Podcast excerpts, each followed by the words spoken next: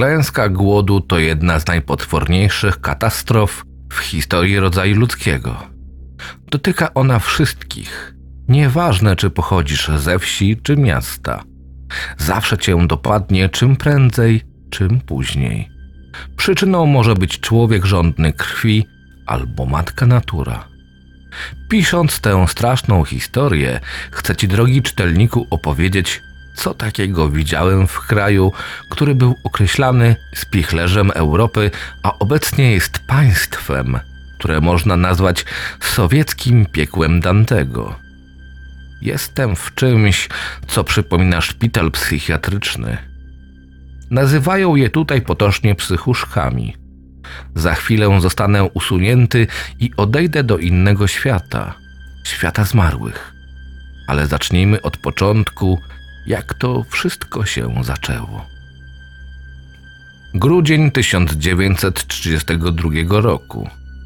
Przyjechałem do Mińska.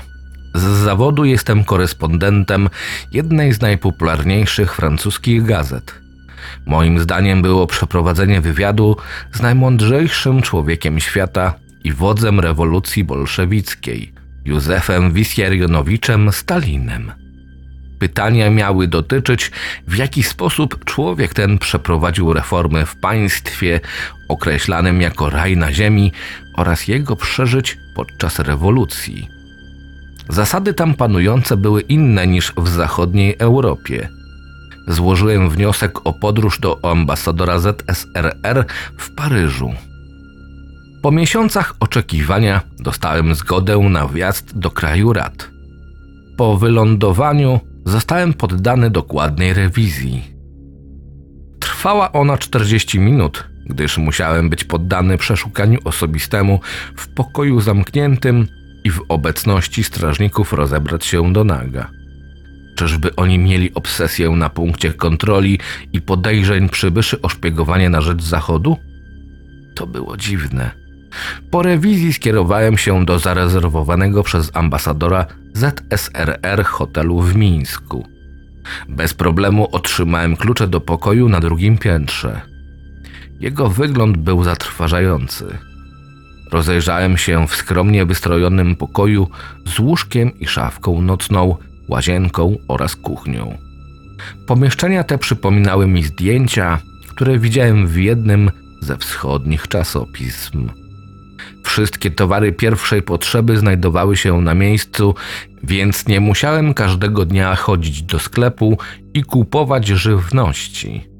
Podczas wyjazdu miałem też w planach zwiedzić całą europejską część Związku Sowieckiego. Państwowy przewodnik nie wspominał o Ukrainie, Zakaukaziu i obszarach na wschód od Moskwy. Odpowiadając na moje pytanie, dlaczego nie można tam jeździć, przewodnik odpowiedział, że obecnie trwają tam reformy. Odpowiedź jego była dziwna. Mówił tak, jakby chciał coś ukryć. Widziałem to po jego zachowaniu. Co tam mogło naprawdę się dziać? Styczeń 1933 roku. Miesiąc po przyjeździe do Związku Radzieckiego czekałem na moment, kiedy dostanę pozwolenie na wjazd na Kreml, miejsce, gdzie urzędował towarzysz Stalin. Tego dnia miałem jechać do Moskwy w celu jego odwiedzin pod kontrolą przewodnika i gwardzistów kremlowskich, jednak pociąg odwołano z nieznanych powodów. W trakcie zwiedzania Mińska widziałem coś, co było trochę straszne. Na ulicach były dziesiątki jakby bezdomnych ludzi. Mieli oni blade jak kreda twarze, więc zapewne nie żyli. Obok zostawały postawione znicze w celu najpewniej ich upamiętnienia. Mówią, że Związek Radziecki jest państwem dobrobytu, sprawiedliwości i równości wobec prawa takiej, jakiej nie ma w państwach na zachodzie. Jednak czemu niektórzy byli bezdomni i umierali na ulicach?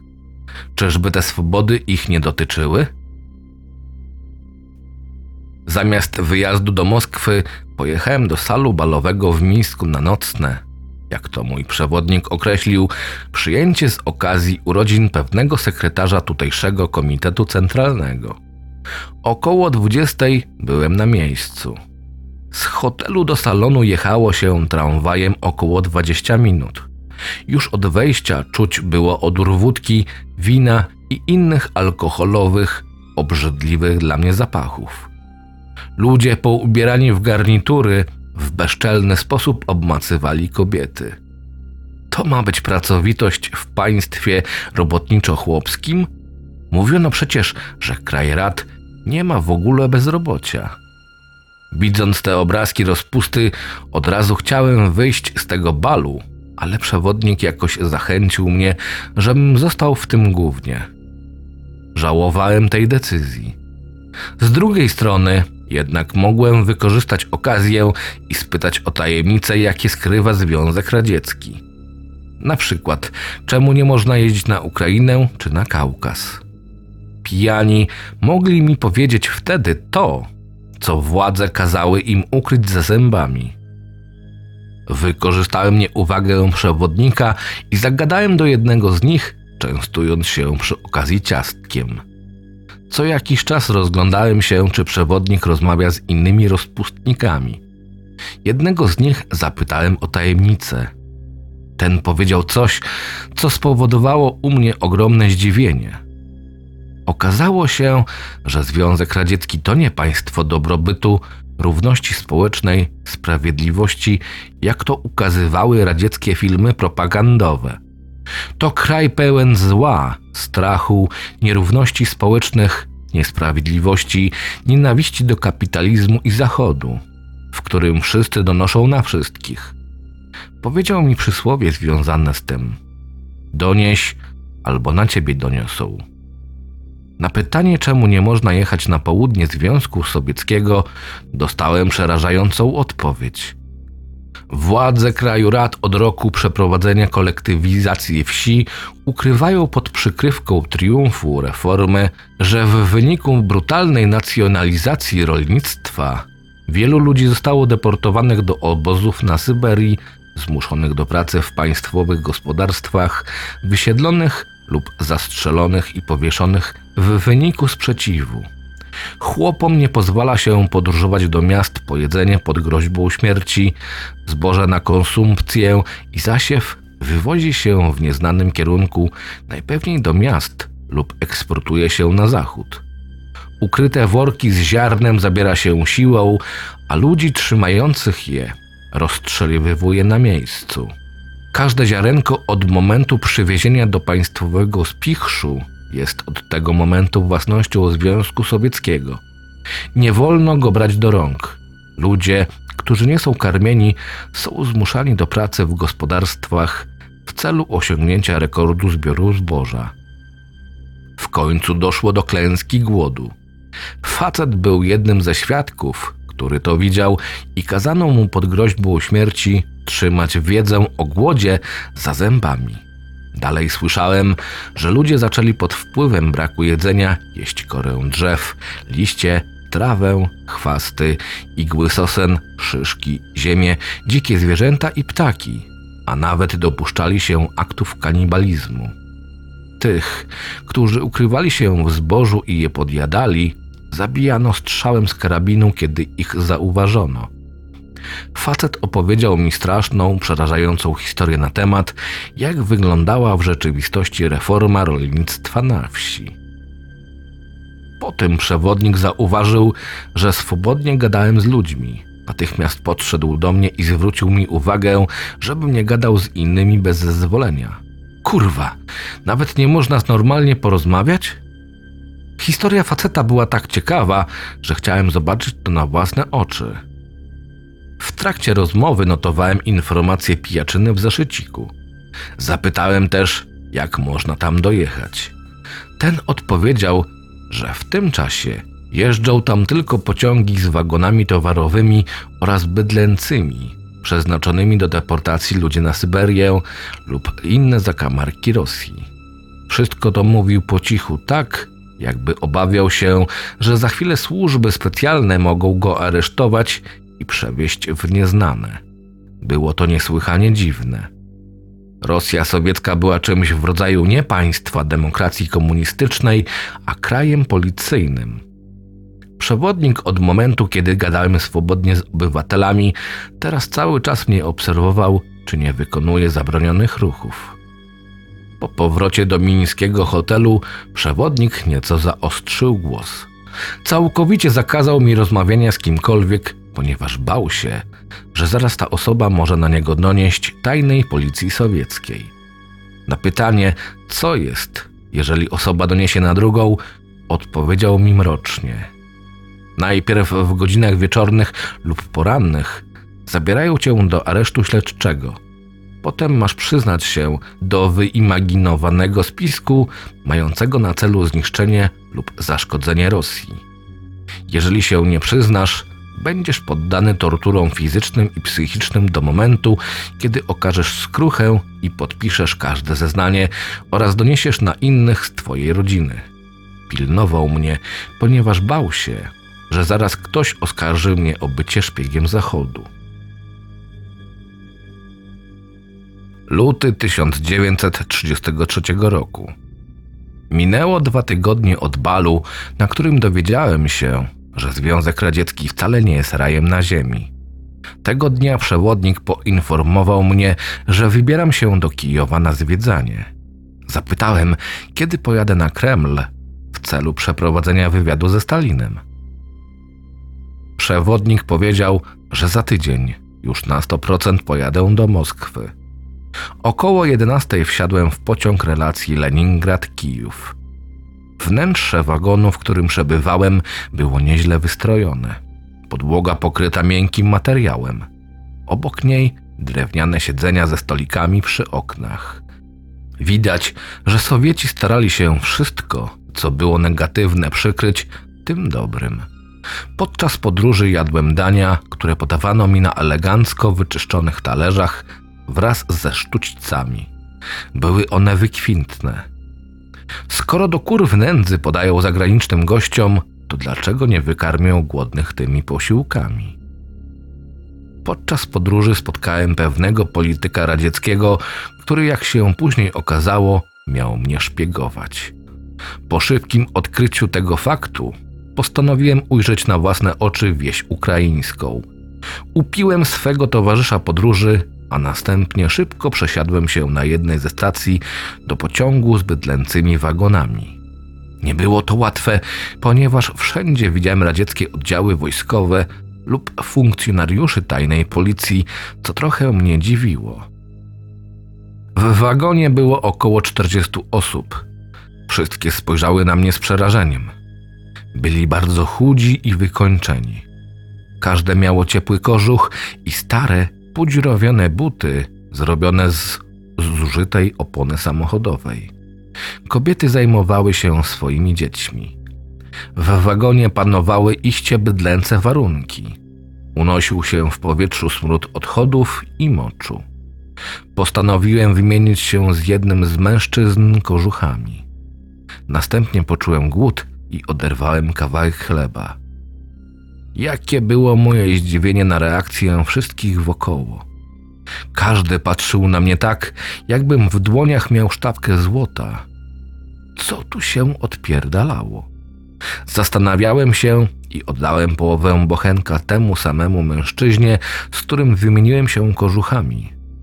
Następnie rzucili się na niego pozostali mężczyźni i stoczyli wilczą walkę o kawałek chleba. Gdy dojechaliśmy do następnej stacji, postanowiłem jak najszybciej wysiąść. Aby nie rzucać się w oczy, postanowiłem wziąć udział w rozładowywaniu zboża. Podczas tej pracy ludzie wyglądali na zmęczonych, a wojsko radziecko poganiało tych nieszczęśników. Jeden z robotników zaczął coś mówić po rosyjsku i wskazywał palcem na mnie. Najpewniej, że jestem szpiegiem i obcym – Przestraszyłem się, gdy jeden z żołnierzy wycelował we mnie swoim karabinem. Zacząłem uciekać, gdzie pieprz rośnie w kierunku lasu. Biegłem ile tchu, słysząc za plecami kroki i strzały, a nawet szczekanie psów.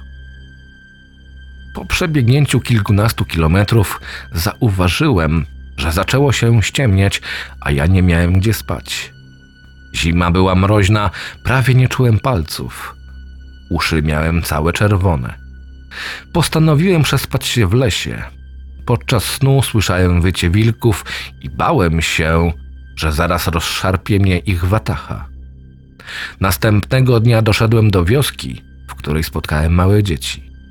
Postanowiłem zrobić im zdjęcie jako namacalny dowód mojego pobytu tutaj. Dzieciaki wyglądały na wygłodzone. Nic nie zauważywszy, zażyczyły sobie przejrzenia mojej torby. Kiedy ujrzały w niej kawałek chleba, ukradły mi go. Niestety nie potrafiłem ze zmęczenia ich dogonić. Droga była pusta. Zacząłem nią iść, a po drodze spotkałem wóz z mnóstwem martwych ludzi, które były wywożone poza obszar wioski. Po krótkich poszukiwaniach dostrzegłem chatkę, w której zauważyłem dorosłą kobietę. Podszedłem do niej i próbowałem się z nią skontaktować. Weszłem do środka. Tam kobiecina poczęstowała mnie kawałkiem mięsa. Zjadłem go, było w miarę pyszne, ale do czasu. Następnie zobaczyłem dzieciaki bawiące się w berka w kuchni. Przyglądałem się im z dużą radością. Kiedy zacząłem pytać kobietę o to, co tu się dzieje, zamilkła i nic nie mówiła. Wyszła z kuchni.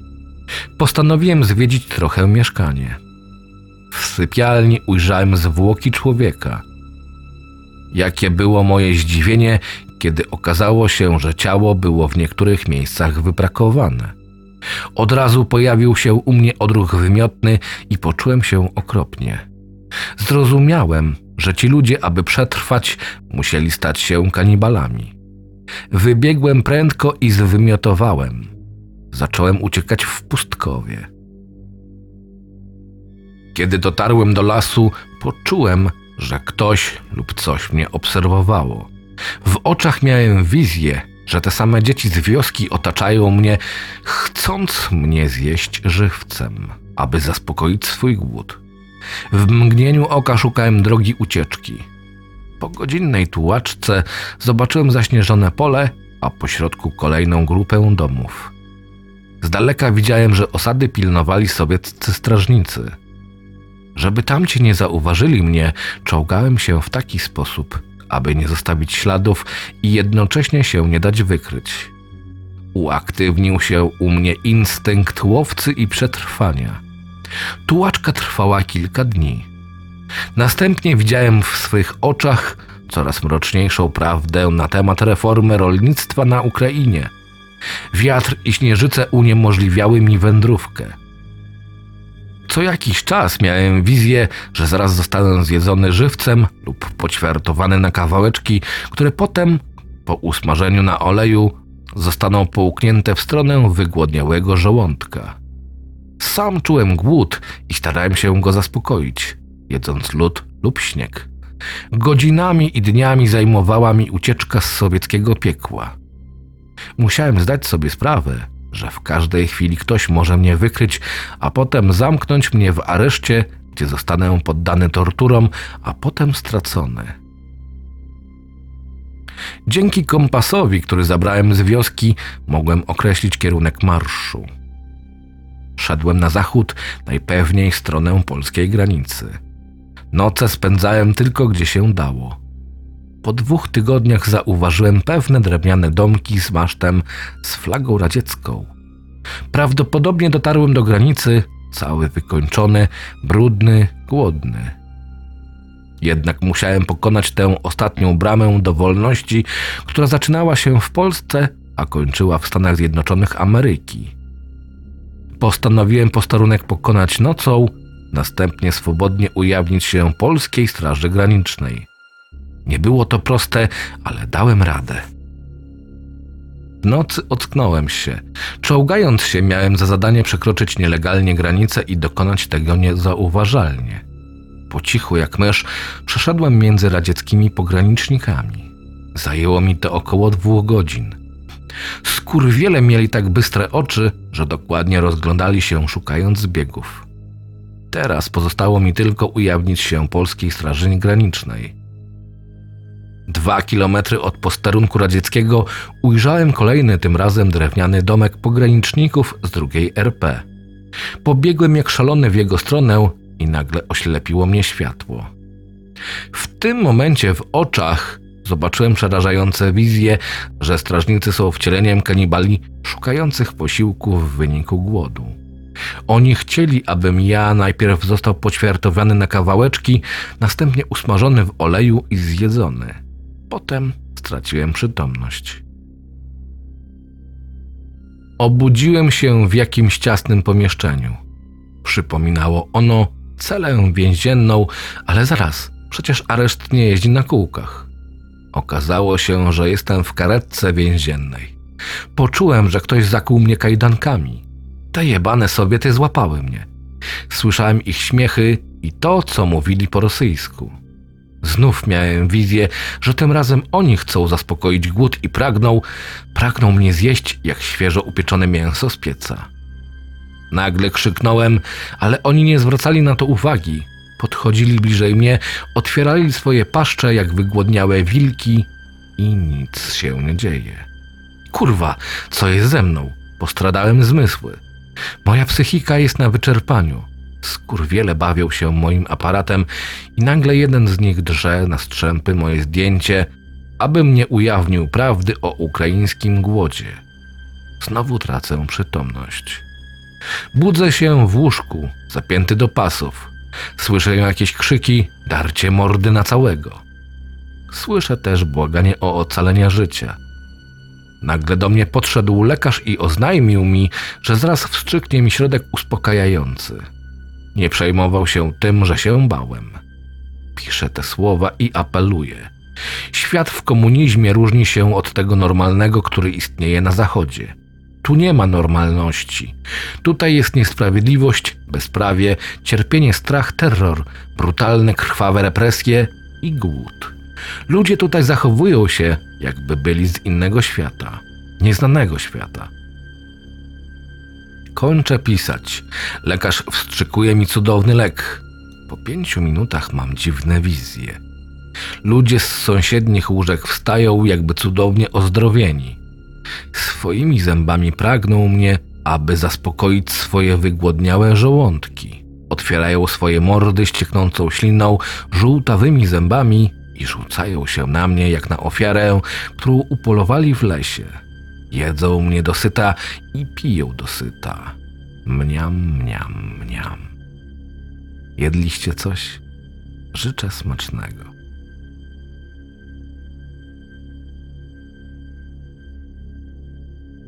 Scenariusz Czesław Zaradkiewicz. Czytał Krystian Kieś. Zapraszam do subskrypcji mojego kanału.